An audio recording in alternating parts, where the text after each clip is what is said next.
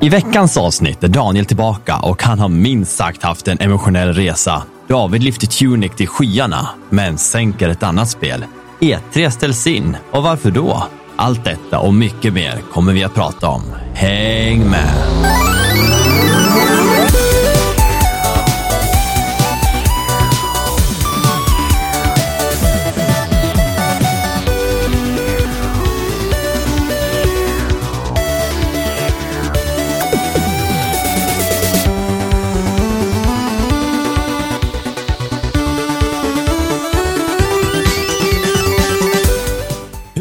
Hur är läget allihopa? Välkommen till ännu ett avsnitt av Allt under kontroll. Podden där inget är under kontroll och era källa till nyheter, spelreviews och underhållning varje lördag. Jag är David Sjöqvist och med mig har min co-host Daniel Jesaja Sjöqvist. Och denna säsongen är sponsrad av Mr P. Det är sant det han säger. Hej Daniel! Hej David. Det var inte igår. Nej, det var ju inte det. Eller i verkliga livet var det ju igår. Ja, men i podden var det väl tre, fyra veckor sedan. Ja, men precis. Nu var du saknad och när du äntligen kom tillbaka då miste vi den andra. Ja, vad sjutton tog han vägen? Jag, jag vet, om jag ska vara ärlig så vet jag inte vad han ska göra. Jag vet bara att han inte kunna hinna med inspelningen idag. På grund av att igår då kunde han, men då fyllde jag år. Så det var lite så här uh, tajt i schemat. Och Ja, just då, det. fick det, då fick det bli som det blir, helt enkelt. Ja, det blev du och jag nu då. Du och jag. Ja, men eh, vi jag gör väl det som alla väntar så hektiskt på. Vi går in på att prata lite om vad vi har gjort och spelat den, där, den här veckan. Mm. Eh, ska jag börja? Ja, det är det. Jag vill först och främst, jag kommer ihåg för två avsnitt sen så pratade jag om ett spel som jag började köra under tiden jag spelade Elden Ring som heter Tunic. Det var det där spelet när man är en liten person som är en liten räv i ett isometriskt spelperspektiv. Och jag kommer ihåg att jag liksom pratade om det som en liten Zelda, uh, Link's Awakening, Dark Souls alike, liksom uh, temat. Ja, Eh, och jag sa att jag inte ser, jag ser inte vart det leder, jag, jag, ser inte, jag kan inte finna något intresse i det. Jag trodde det skulle vara spel jag bara skulle lämna.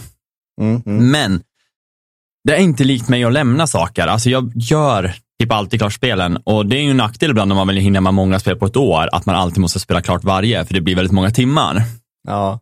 Men fan vad glad jag är att jag satt mig in i det här. ja vad roligt.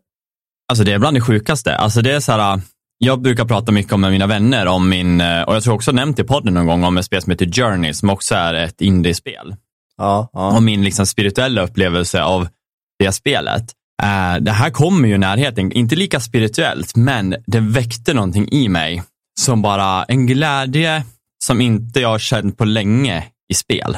Och jag tror inte det ska vara möjligt, alltså när man, just när man kommer från ett spel, till exempel som Elden Ring, Ja. vilket jag anser nästan alltså, typ som ett mästerverk. Jag la lite mer än 110 timmar på att klara av kampanjen. Det, liksom, det förklarar ju hur, hur, hur mycket tid man kan lägga i det och fortfarande tycka att det är kul. Och så går man från det och så känner jag bara, vad fan ska jag sätta mig och spela nu? Alltså vad ska jag spela som kan ens mäta sig med den här upplevelsen? Jag först så spelade jag Ghostwire Tokyo, vilket jag också kommer ta efter det här, men jag vill ta Tunic först för att eh, det som var själva grejen var att jag sätter mig och börjar spela Tunic, fortsätter från där jag lämnade och jag hade bara spelat typ en timme max ungefär.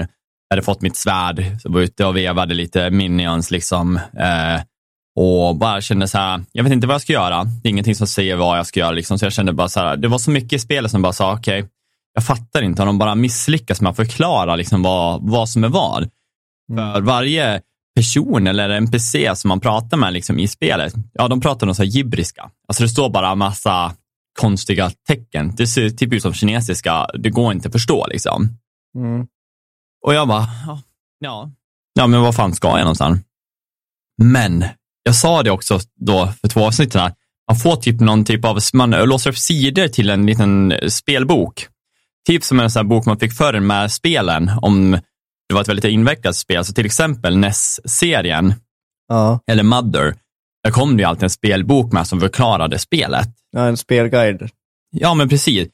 Det här var en av de absolut bästa grejerna jag någonsin varit med om. Alltså först så trodde jag inte alls på det. Men när jag satt min och började köra och jag började hitta sidor i den här boken och satt och bläddrade. Det var så coolt att bara, jag lär gå in i menyn, ticka upp min spelbok, sitta och bläddra. Okej, men vad, vad har jag sett? Vad har jag gjort? Och så bara, oh, men du, där är det någonting om den här, den där symbolen har jag sett. Och så står det lite text. Det står inte jätteordagrant, det är jättemycket som är den där eh, kinesiska texten som man inte fattar. Och så kommer ett litet ord där det bara står hair to hair. Typ. Man bara, Mm. okej. Ja, och så är det inte bara att spelboken i sig är sidor, alltså det ser fantastiskt ut. Det ser ut som en riktig här, spelbok. Det är over the top liksom. Det är också att det är små handskrivna notes, som att någon har använt skrivboken. Så till exempel bredvid, bredvid en eh, medaljong, där står det så att typ, det- man ser en dödskalle, så ett X och fyra, och det ser ut som någon har skrivit med en bläckpenna. Liksom. Typ så här, "Jaha, men vad det här med döds... Någonting, någonting med död att göra, men vad? Och sen långt senare då hittade jag en karta där det var över ett graveyard-ställe där det visar samma symbol och då bara, men du, det måste vara något med medaljongen. Är det så jag låser upp den här biten av världen? Och så visar det sig att det, liksom, det var de där små pusselbitarna. Man lär, det var inte bara att det kom givet per sida, okej nu kan du klara det här. Nej, nej, nej, du lär bläddra tillbaka och fram och tillbaka. I en bok som är 56 sidor lång, där det både står information om hur du späckar, sådana lätta saker, hur du dodgar, väldigt simpel liksom, men även så djupt som att Lauren typ finns i boken där du förklarar spelet. Ja, Det var sjukt och det var svårt. Alltså det var så här, just att leta i per sida, det tar tid. Du har verkligen Mm. hjärnan till att, okej, men jag ska göra det här, men vad leder det dit då? Pussla ihop de här kartorna och vad alla skatter finns som har de gömda föremålen du behöver. Mm. Jag satt och gottade mig som fan i det här, så jag tror det var länge sedan jag kände någonting var så roligt. Blev du klar eller, eller är du nästan klar? Nej, jag var klar igår kväll. Ja, hur lång tid tog det då? Eh, för mig 20 timmar, men jag, jag var ifrån också lite jag, eh, igår när eh, jag gick ut gick med Stina och Susanne och då hade jag lämnat spelet på, så det, jag kanske en, två timmar avdrag där och så lite små stoppar emellan. Så att, ja, runt 16 ska jag säga är nog det jag avslutade på. Ett lagom spel att kunna spela igenom en helg då? Om man inte har så mycket ledig tid. Ja, verkligen. Alltså, det, jag skulle rekommendera det här till alla som gillar lite av en, eh, vad ska man säga, ett pusselspel där du får verkligen använda hjärn, hjärnan till att lösa det. Även fast du har en playbook, liksom du har en spelbok, men ändå så kan jag inte bara läsa det rakt av, utan jag lär koppla ihop det jag sett, det jag ser här och vad jag ska ha nästa. Så det är så jävla roligt. Jag vill bara liksom tillägga att eh, det som är grejen också, att under vägen så finns det mycket hemligt i det här spelet. Som gömmer sig bakom, eh, typ som fuskkoder kan man väl typ säga. Och det är, man hittar en, en liten sida då, i den här boken som gav mig kunskap av att den där dörr, en sån här dörr har jag sett på en symbol förut. Och så såg jag en massa så här upp, ner, vänster, höger, upp, ner, vänster, vänster, vänster, upp. Och jag bara. Och så sprang jag till en sån här dörr som jag hade sett någonstans i början av spelet. Och så ställde jag mig, upp, ner, vänster, höger, upp, upp, upp, ner, vänster, höger, alltså på pilarna. Mm. Och så bara, dörren öppnade sig. Jag bara, nej men fy fan vad coolt. Det är som att skriva en fuskkod och det var så roligt att göra det. Då hittade jag en grej som gav mig en sida som lärde mig att söka efter hidden treasures. Mm. Så då kunde jag följa liksom en grej som tog mig till bara sådana här äh, brainpussel. Och då, första då var det att jag hade fått det från boken. Men sen fick jag sitta och avläsa det här i spelet. Så att till exempel, var bara, det kan vara så här, någonstans här där jag står nu, finns det tecken som visar på om det är höger, upp, ner, vänster i viss ordning. Och jag lär hitta det. Det kan vara så simpelt som att det är några vita fläckar runt om en fontän och så att det är två fläckar till vänster, en fläck nere, fyra fläckar nere och det gör ju att ettan ner, tvåan vänster, trean är där och så ska man liksom, men man lär hitta de här små detaljerna som utgör det här.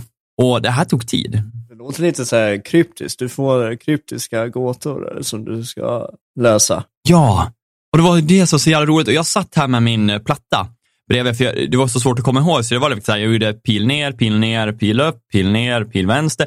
Bara för ju, ju längre jag kom i det här, ju svårare vart det. Ska, jag vill bara säga, ska ni höra en, alltså den sista grejen jag gjorde, ska jag säga koden till den? Alltså ska jag dra hela för podden? Det här är helt sjukt. Ja, gör det. Ja, ja. Det här är min knappkombination jag kom fram till. Och det är med pil, äh, pi- pilarna på dosan. Upp, vänster, ner.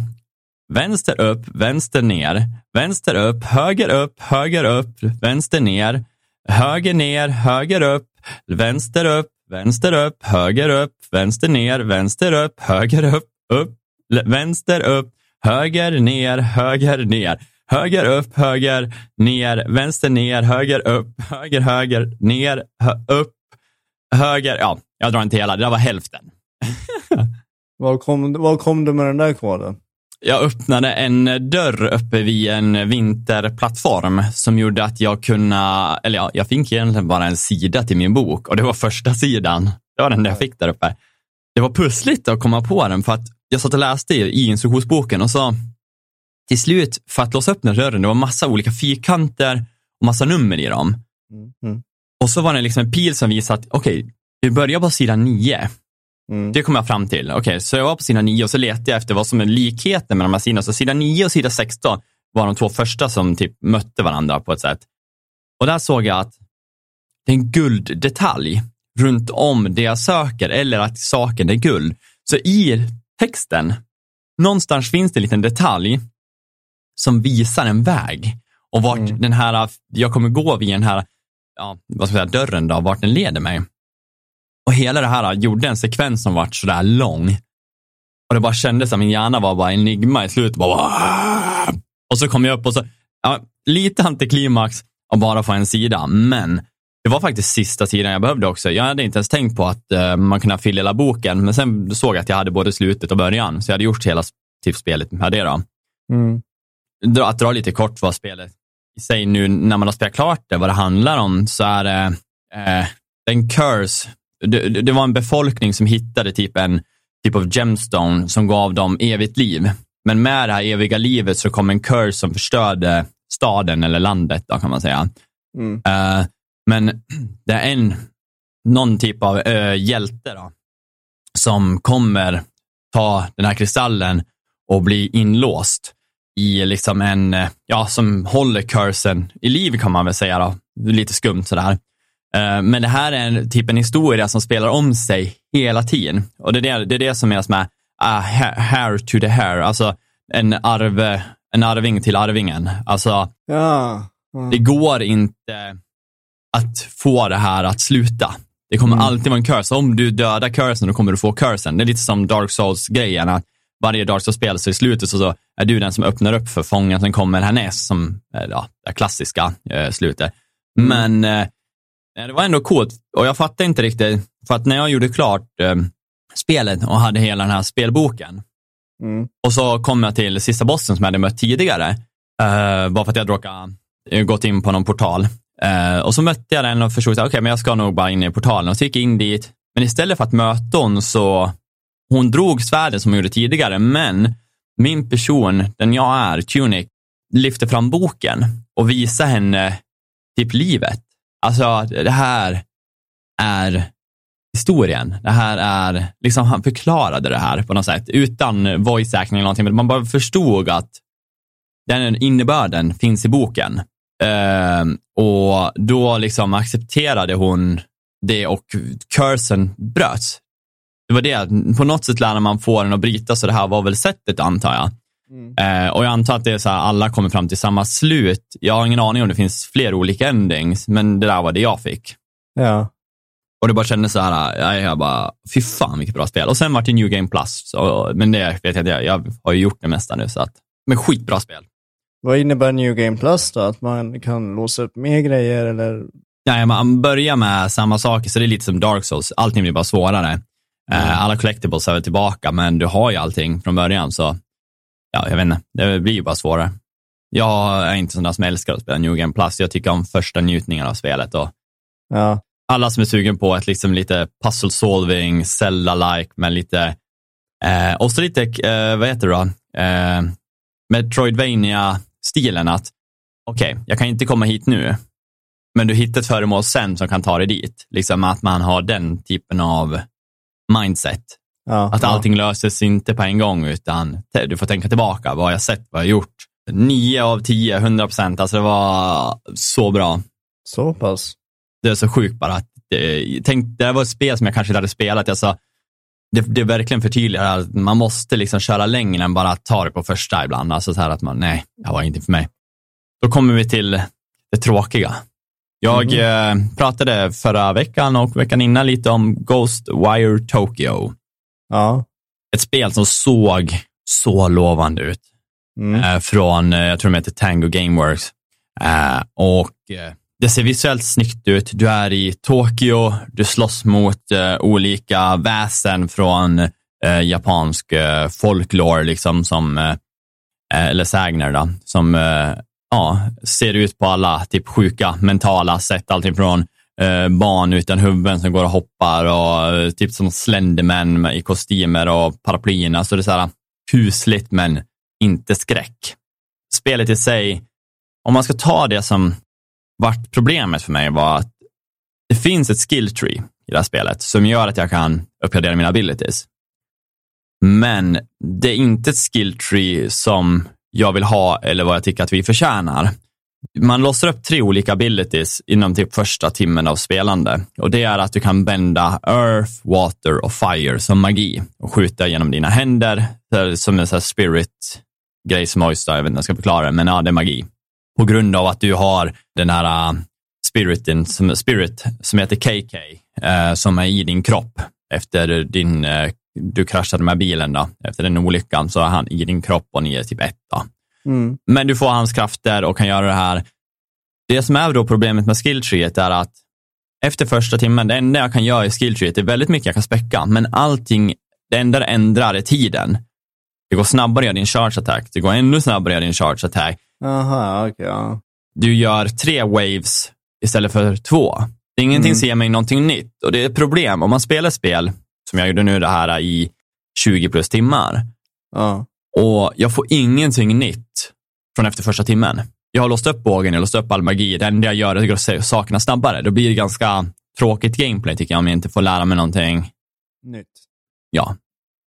Och spelet föll lite kort i storyn, tycker jag. Eh, det var mycket som inte blev förklarat förrän, alltså man kan tolka det, men det vart inte förklarat. Och det är väldigt mycket med hela vad spelet handlar om, varför, typ då han man spelar, Akito, det finns ju att hans syster är ju länken mellan eh, döden och livet. Mhm. Men varför och hur, det får man inte förklarat i spelet. Så ni som inte vill veta alls och vill bygga en egen uppfattning, ni kan ju spola fram nu kanske en tre, fyra minuter, jag brukar dra ut på tiden. Men eh, för er andra som liksom vill ha lite mer info och ge er in i era spel, om ni vill testa det själv och förstå lite mer varför det händer, så är det att Akitos eh, syster, då, eh, det hon har är att hon var skadad, ligger inne i en koma. Problemet med om man säger, koman är att hon är på väg att vakna upp hela tiden, men samtidigt så går hon in och dör. Alltså hon tappar, vad ska man säga, pulsen Mm. och är döende. Så hon, eh, hons typ, eh, hon, hon är så nära döden men samtidigt livet. Vilket den här personen i den här Hanama-masken då, det, den, the bad guy, han eh, förmodligen har märkt den här typen av essence, den här typ av en magi som är just i Japan då och hon blir ett target för att vara länken för det han vill göra. Eh, det är att han vill öppna mellan livet och dödsriket och slå dem samman för att få träffa sin fru igen. Det är liksom hans mål. Så han är, liksom, han är villig att offra allt för det och till och med offra världen som den är.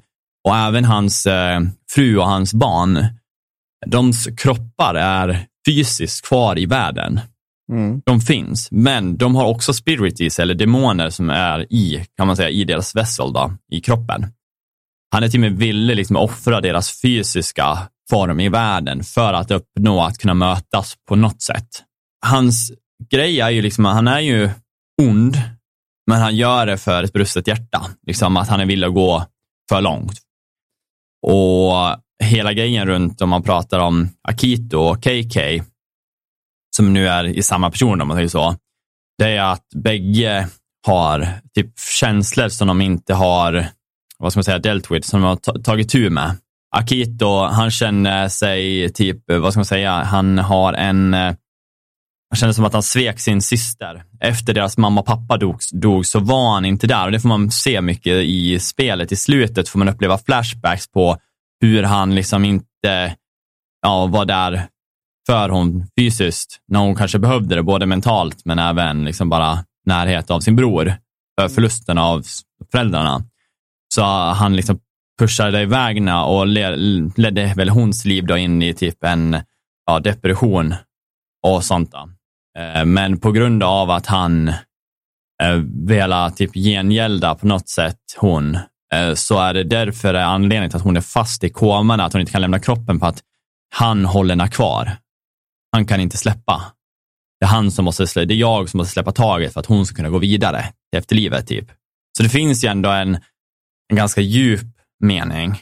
Men samtidigt, den förklaras inte, utan den får man verkligen så här, typ, tänka själv att varför och hur. Och I slutändan, det bästa med spelet, som, och det har jag sagt till flera, det är att spelet tog slut.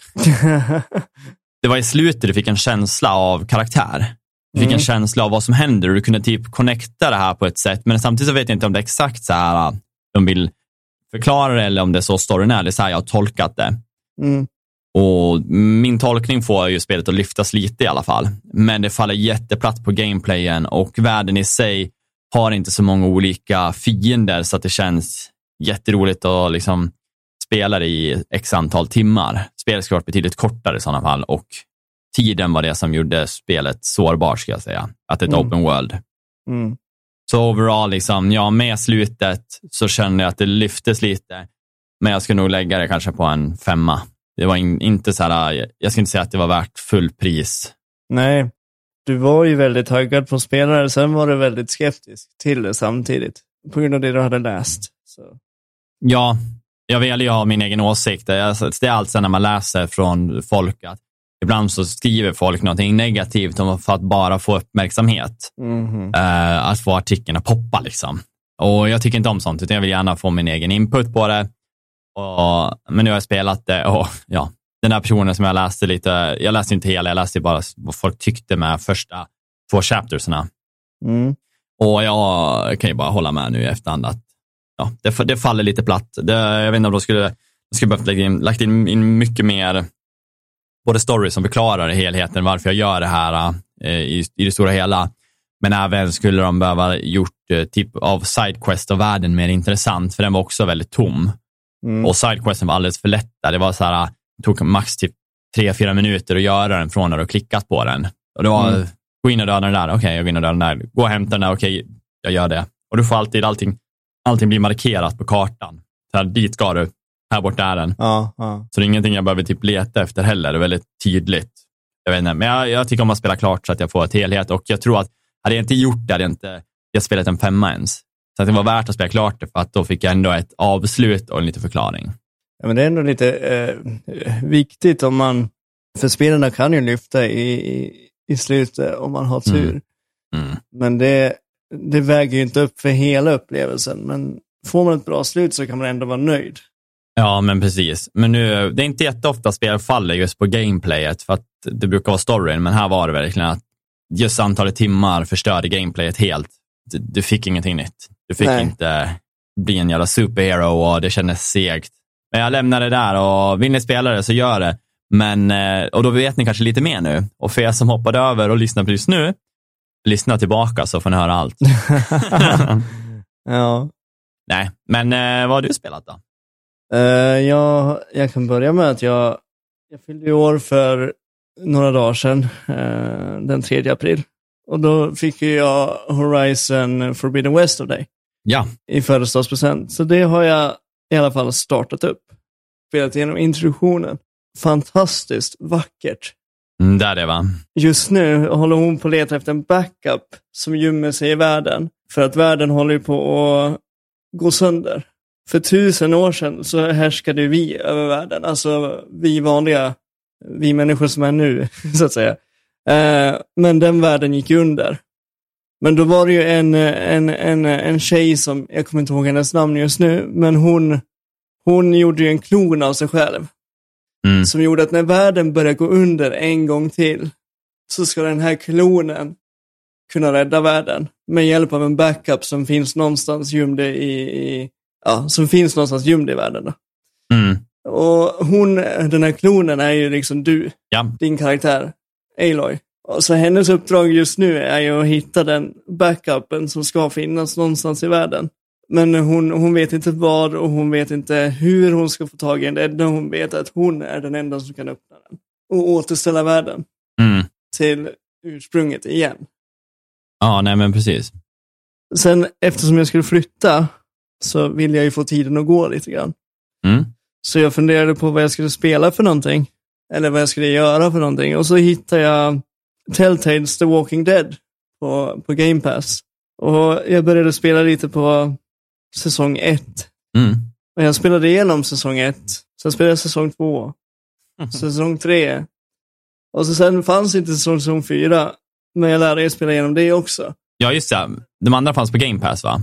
Ja, precis. Den fanns på Mm. Xbox Game Pass. Ja, precis. Eh, Så jag köpte säsong fyra. För att i alla fall få spela klart det. Mm. Och vilken upplevelse jag har haft alltså. Ja, det är så. Alltså vilken emotionell resa.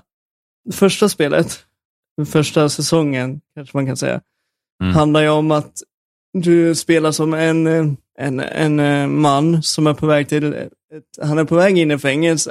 Mm. För att han har bråkat, eller han har, han har dödat en, en person som har varit otrogen med hans fru. Mm. I början så sitter man och pratar i en polisbil och, och liksom sitter och anklagar sig själv liksom till polisen som sitter där framme. Mm. Han man spelar är ingen bad guy, han har bara gjort ett misstag liksom. Mm. Men han är villig att ta sitt straff. Eh, så sitter man där i bilen och så ser man hur polisbilar och brandkårer och ambulanser börjar åka och man fattar liksom ingenting. Sen är det någon som kör in i polisbilen. Man kraschar, chauffören blir en zombie. Så där börjar det liksom. Mm.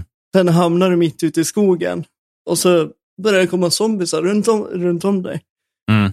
Och du vet ju liksom inte vad det är för någonting. Eh. Det, det här är helt nytt. Liksom. Du vet bara att du är jagad av någonting eller några. Men du fattar liksom inte varför. Nej, precis. Så du, söker, du börjar ju springa i skogen och söka skydd. Du kommer till ett hus där du går in och så eh, hittar du en walkie-talkie. Och i den walkie-talkie så börjar en liten tjej prata Mm. som heter eh, Clementine.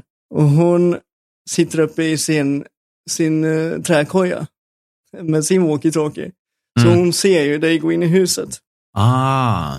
Eh, och hon, hennes föräldrar har varit borta eh, i flera dagar. Förmodligen döda då, med tanke på det som händer runt om i världen. Mm. Men det vet ju inte den här lilla tjejen. Så det du gör som den här killen nu, som Lee som han heter, du tar med henne och skyddar henne. Mm. Och relationen mellan de två under hela spelets gång är så vacker. Alltså Mm. det blir ju verkligen far och dotter. Påminner mycket om, eh, vad heter det spelet då, som du tycker så mycket om? Det, la- det läste oss ja. Precis, Last of Us-serien Mm. ja. Mm. Och så alla karaktärer du möter på, på vägen, alla band du by- bygger, alla beslut du måste ta. Mm. Alltså bara för att ett beslut låter bra, så behöver Mm. det inte vara det bästa beslutet. Nej, precis. Och det är det som är så kul med de här Telltale-spelen. Är att det, det kommer ha konsekvenser. Ja, alltså oavsett vad du väljer så blir det en konsekvens. Ja, precis. Det finns en karaktär som heter Kenny i, i första säsongen, som blir typ som Lees bästa vän, men han kan också bli liksom lite, alltså, inte din rival, men alltså, ja, det handlar ju liksom om att bygga relationer till de du väljer själv och lita på. Mm. Och så ska man ju vara försiktig med vem man litar på eller hur man litar på dem, för de, de kan ju stäba dig i ryggen när som helst egentligen. Ja, precis. Det vet ju inte du. Alltså, skulle det komma en zombiehord, då kan de kasta ut dig liksom. Men kan ditt beslut döda din karaktär? Eh, nej. Det ger bara upplevelsen att det, du kan vara god eller ond med den approachen med. Första spelet finns det ett slut, men det finns fem olika approaches på det slutet. Alltså du kan få olika personer med dig i slutet, eller så kan du få olika dialo dialoger i slutet. Ja, precis. Ja. Men det har ju ändå en stor betydelse i det personliga. Man känner fan, det här var så som jag ville ha det. Det är det det handlar om. Ja. Sen själva spelet slutar ju på samma sätt, men det är ju liksom vad du har din moral någonstans också, Mm. som spelar roll. ja, men precis. Det finns ju en, en känd scen i säsong ett, så nu tänker jag spoila. Det sista som händer i säsong ett, det är att huvudkaraktären dör. Okej. Han blir, han blir biten av en zombie. Han lär ju säga det till Clementine. Mm. Hennes reaktion beroende på det bandet som du har byggt upp med henne liksom. Alltså jag blev helt förstörd. Ja, nej fy fan, sånt där är så jäkla jobbigt. Beroende på hur många vänner du har kvar i slutet så har du dem med dig också. Mm. Har du inga vänner kvar i slutet, då är det bara du och henne. Mm. Det, det, han säger, du må, antingen får du skjuta mig eller så springer du härifrån. Mm. Och då fick jag välja om jag skulle skjuta han och bespara han besväret. Mm. Eller om jag bara skulle gå, låsa fast han och gå därifrån. Jag antar att du sköt han. Det gjorde jag. Mm. Men jag, jag, jag storgrät. Ja, jag kan tänka mig. En fulbörda. Ja, jag gjorde det. Ja, men jag får rysningar bara du säger det. Alltså, sånt där äh, är så hemskt. Och särskilt när man har fått spela karaktären i x antal timmar och byggt connectionen själv. Ja. Du har själv gjort valen till vilken karaktär du är. Det betyder att du är en del av han. Ja, och så sen det som är så fascinerande det är att besluten du tar i föregående säsong har stor betydelse i nästa säsong. Som till exempel i säsong två så spelar du som Clementine. Mm. Då hon, hon är åtta i första spelet, hon är elva i andra. Mm. Innan Lee dog så hit, hittar man två stycken personer som heter Krista och Omid. Och han, han bad dem att ta hand om, om henne. Och det första som händer i säsong två, eh, det, jag vet inte om jag, hur mycket jag ska spoila, men i alla fall. I säsong två så får du spela som Clementine. Och då har ju hon tagit lärdom av allt som jag sa. Allt som jag lärde ut Mm. i säsong ett. Men den läser den där från sparfilen, så jag tänker, tänk en person som börjar från eh, säsong två och inte spelar ettan på samma dator. Mm. Kom, får man ett neutralt slate då, antar jag? Man, man får väl ett neutralt, ja precis. Mm. Jag tror det. För att jag fick importera mina sparfiler. Okej, nice. Och så fick jag göra på alla mina eh, playthroughs på säsong 1, 2, 3, 4. Mm. Man tar vidare dem bara. Ja, precis. Jag vet inte om jag ska avslöja handlingen för säsong 2. Det kommer bli väldigt långt annars. Men i alla fall, man får spela som Clementine. Mm. Eh, och hon får, hon får vara med om sin resa, träffa sina kompanjoner och, och, och liksom Börjar ta sina egna beslut. börja ta sina egna beslut, ja precis. Mm. Sen i säsong tre, beroende på hur, hur du avslutade tvåan då, då spelar du inte som Clementine, då spelar du som Javier, heter han. Och han kommer från en väldigt brusten familj där, där brorsan är militär och farsan är död, morsan är död. Och han, eh, han stack iväg och skulle bli baseballproffs. Okej. Men han kommer hem för att hans, hans far är på väg att dö. Mm. Och då är ju brorsan där och säger, "Va- varför stack du? Du har lämnat mig ensam med, med farsan och morsan och du vet så här. Mm. Och sen bryter zombie-apokalypsen ut. Mm. Då splittras han, hans bror. Hans bror har också en fru som är med dig. Mm. Och hans fru har också två barn som är med, är med dig. Men brorsan är inte med dig. Brorsan är borta. Man vet inte riktigt var han är. Där bygger du ett band mellan, mellan de fyra. Men här kommer också Clementine. Så även det här spelet handlar om Clementine. Okej, ja. Vad det som hände efter säsong två, konsekvenserna av säsong två. Okej, så man möter hon lite så här slumpartat någonstans i spelet. Nej, alltså hon är ju en huvudkaraktär. Hon, går ju, hon kommer ju träffa dig och så kommer hon hänga med dig. Mm. Samma sak där. Då nu har hon blivit lite hårdare för nu är, hon, nu är hon 14 år gammal. Hon har varit med om en hel del. Hon har mött fel folk. Hon har har fått sett vad världen går för. vad världen går för och, och hon har ju liksom vuxit till sig eh, utifrån de besluten jag har tagit. Utifrån det slutet jag fick i säsong två. Mm. Jag vill inte se, avslöja för mycket av storyn för att jag, jag vill att folk ska uppleva det. Mm. Och sen i säsong fyra, sista säsongen, då spelar du som Clementine igen. Då, då är hon 17-18 år. Hela resan egentligen var väldigt emotionell. Mm. Det är också jobbigt att veta att eh, när man går in i fjärde, att man vet att det här är slutet. Det här är det, här är det, det jag lämnar efter mig. Det här är det jag kommer komma ihåg. Ja, det här är det sista jag gör. ja, precis. Ja. Nej, men jag, jag vill som sagt, jag skulle kunna sitta och prata storyn i varje säsong. Eh, Mm. Men eh, jag vill också att folk ska, att folk ska liksom spela det själv. För jag fick en, det där släpptes ju 2011 tror jag, första. 2019 släpptes fjärde. Så det är ganska gammalt, men jag hade aldrig spelat igenom dem förut. Nej, jag hade min första möte med Telltale förra året när jag spelade Wolf Among Us, så jag vet ju en del om vad du pratar om och jag vet hur connecten man kan bli till vissa karaktärer som du också kan då förlora baserat på ett val. Ja, men det vet du ju inte. Nej, men det låter skitintressant det där faktiskt. Och sen är det så himla jobbigt för att jag, när, om man känner att man har gjort ett felbeslut, Mm. då vill man ju egentligen bara pausa, gå ut i huvudmenyn och ta resume och så hoppas på att det inte har kommit någon checkpoint. Men det gör man ju inte. Och sen tror jag i de där spelen så är det checkpoint efter varje mening du väljer att ta ett beslut. Då blir det en, en ny. Ja, precis på en gång. Nej, men så det, det var en rejäl upplevelse med, med mycket eh, känslomässig berg och dalbana, men fantastiskt bra story. Alltså jag trodde inte att de kunde hålla i i fyra säsonger, men det är ändå en episod, det är fem episoder per spel. Mm. Och det tar ungefär en och en halv till två timmar att spela igenom varje säsong. Eller, eller eh, inte varje säsong, varje episod menar Mm. jag. Eh, Så det är ju några timmar ändå per säsong. Vet du ungefär totala tiden du har lagt? Nej, men om man räknar på att det är fem episoder, två timmar per episod. Det är tio timmar per säsong och det är fyra säsonger, det är 40 timmar då. Ja, ja det var ju perfekt det innan flytten ja, att göra. Ja, ja. Vi pratade ju lite om det, jag tänkte bara nämna innan vi började podda här, att det finns ett litet intresse av oss att göra spelreviews. Det tar ju som sagt lite mer tid att göra en riktig review när vi får förklara spelet i djupet utan att spoila för mycket för er. För det, det är det också, när man pratar så här, att vi vill ju inte heller ta bort spelupplevelsen för dig. Nej. Men det finns ett intresse och en, liksom en liten tanke och det skulle vara att om ni då känner att ni tycker om ett av spelen vi pratar om och vill höra mer, att kanske, jag vill kanske inte köra igenom det, men jag vill veta exakt vad du tycker. Eh, skriv till oss på vår mail eller på Instagram eller Facebook att du kan inte göra ett avsnitt av där du, där du pratar om spelet och gå in i full review mode. Det hade varit skitkul att se, liksom, men vill ni ha det, ja men då kan vi göra det, men tyvärr kanske blir mer riktat mot Patreon, så att det läggs upp på den plattformen. Ja. För att det tar lite mer tid av oss och att, ja, då får vi ut någonting av det. Jag skulle kunna prata hur länge som helst om, om The Walking Dead, för det finns så mycket att, att täcka och så många karaktärer jag vill prata om. Alltså, Ja, men det är det jag märker, att man har ju så mycket mer. Och det är samma när jag pratar Tunic eller Ghostwire Tokyo. Man, det finns så mycket man vill nämna, men man kan inte ta allting. Det nej. blir liksom så här, man lär hejda sig själv, även fast man, Ja, ja, men precis. ja, men kul, kul. Har du sett bägge episoderna av Moon Knight, eller?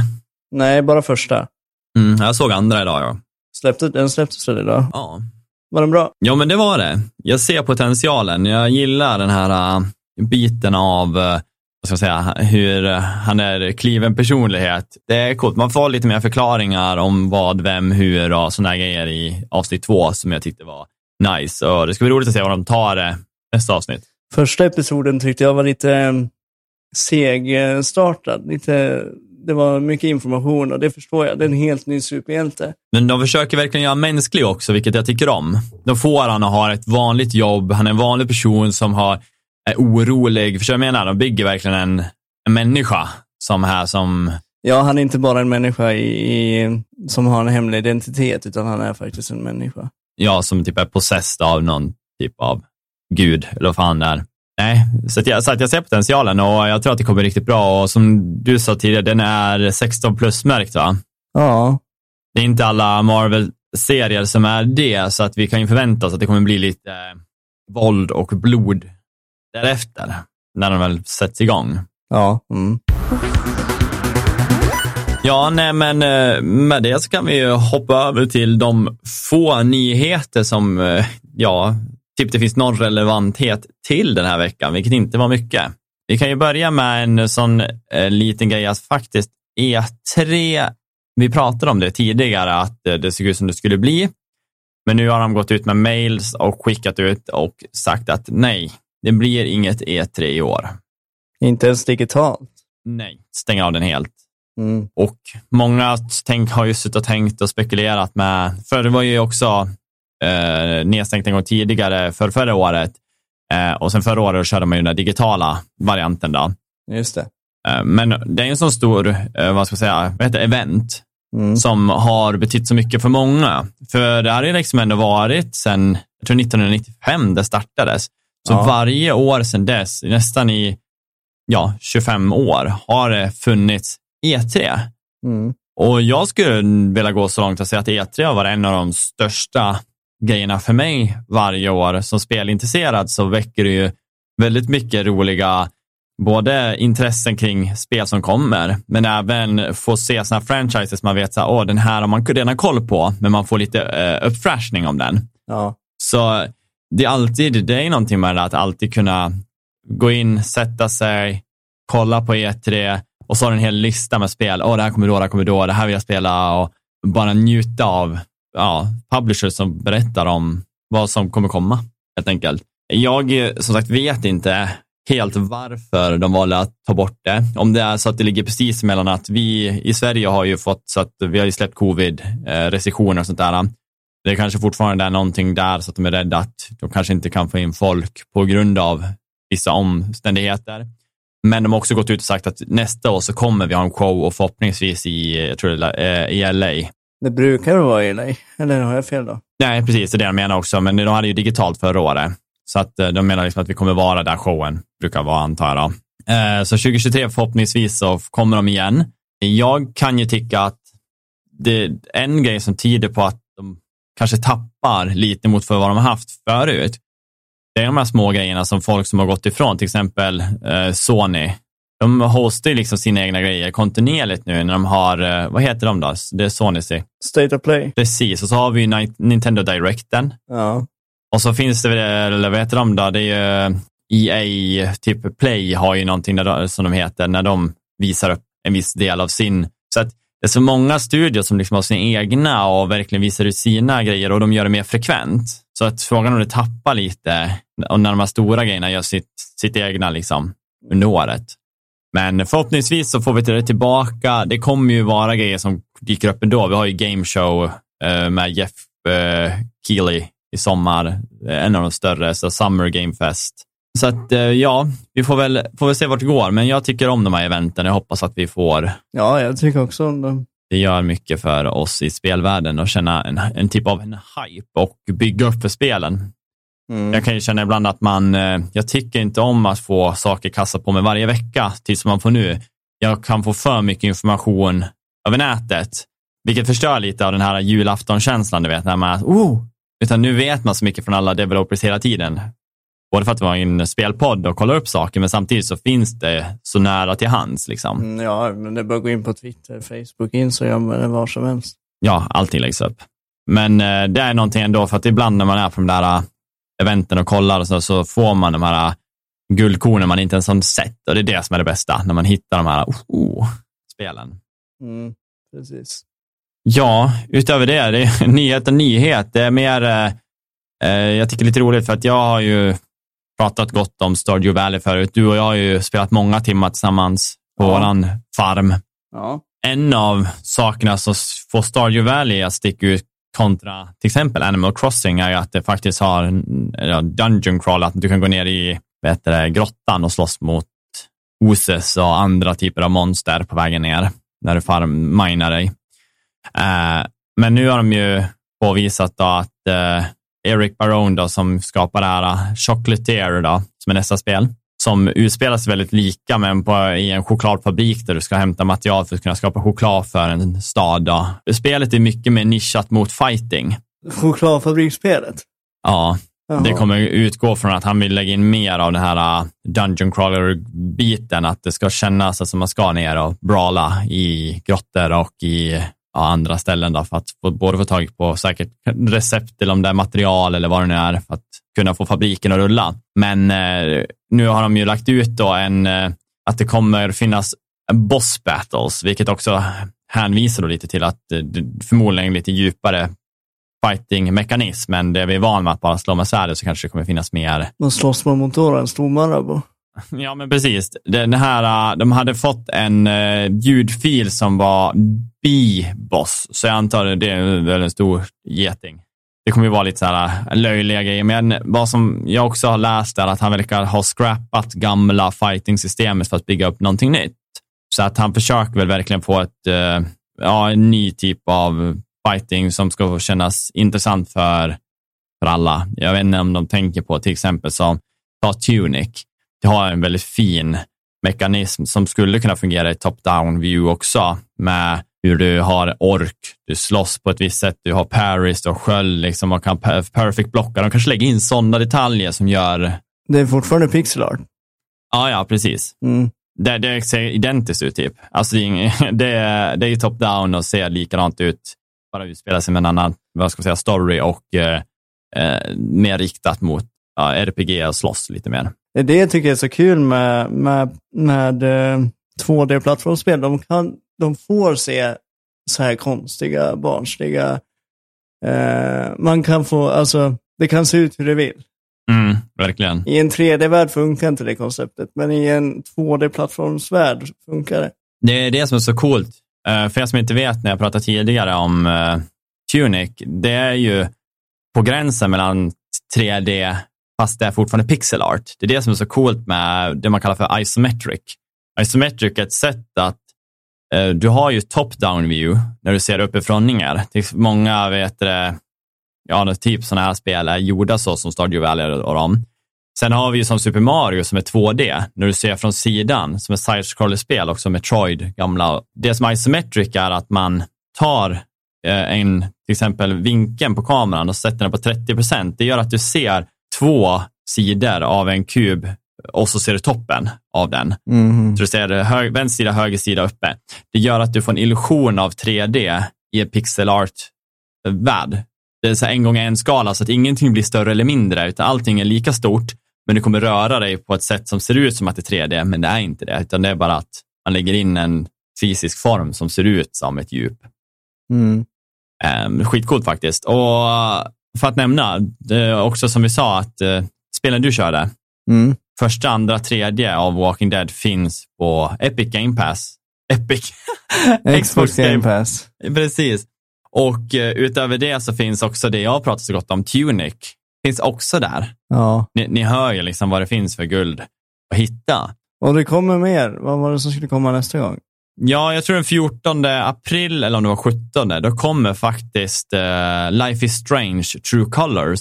Det kommer mycket andra titlar också. Lost in Random, också ett spel som vi har pratat om förut. När vi, jag, jag kommer inte ihåg om det var ET eller det var någonstans vi såg det förra året. Ett spel som eh, jag tror kommer vara väldigt coolt, som är lite Tim Burton meets eh, It takes two.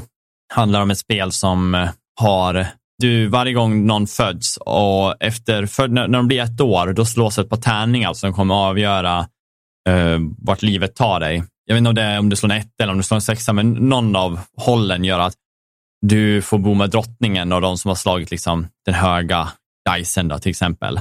Medan de som slår en låg blir fast i slummen, kan man väl säga. Då. Ja. Och det som händer här är att det är två, vad jag förstår, som syskon som separeras. Ena slår högt, den andra slår lågt. De är, om de är tvillingar kanske det är, så de bägge slår tärningen. Och du får väl spela från den från, som är från slummen då, som ska försöka, som får hjälp av typ en tärning, så gud kan man väl säga, en tärning som är med dig och här kommer du ha lite eh, ja, turbaserat eh, fighting, men samtidigt i realtid. Det är ett väldigt skumt koncept. Du ska slå tärning och göra abilities och ta dig igenom en värld där du ska väl förmodligen då rädda din syster eller bror. Har inte kollat helt med plotten, men det ser intressant ut. Mm. Så att eh, det kommer ju, det kommer den 14 och Life is Strange var 12. Sen har vi lite sportspel och sånt där också, då. men eh, då, de två tycker jag verkar superintressanta. Så att eh, skaffa Game Pass, bra värde. Men för övrigt så eh, kul Daniel att få chatta lite och ni andra, ni vet ju var vi finns. Sociala medier, där hittar ni oss. Eh, vi har som sagt Patreon och eh, skriv jättegärna om ni vill att vi ska börja göra lite tyngre reviews och gå in lite mer på djupet med spelen. Vi har information som vi vill berätta, men vi vill inte spoila hela spelet för er. Nej, precis. Och ni vet att vi kan prata. I alla fall du.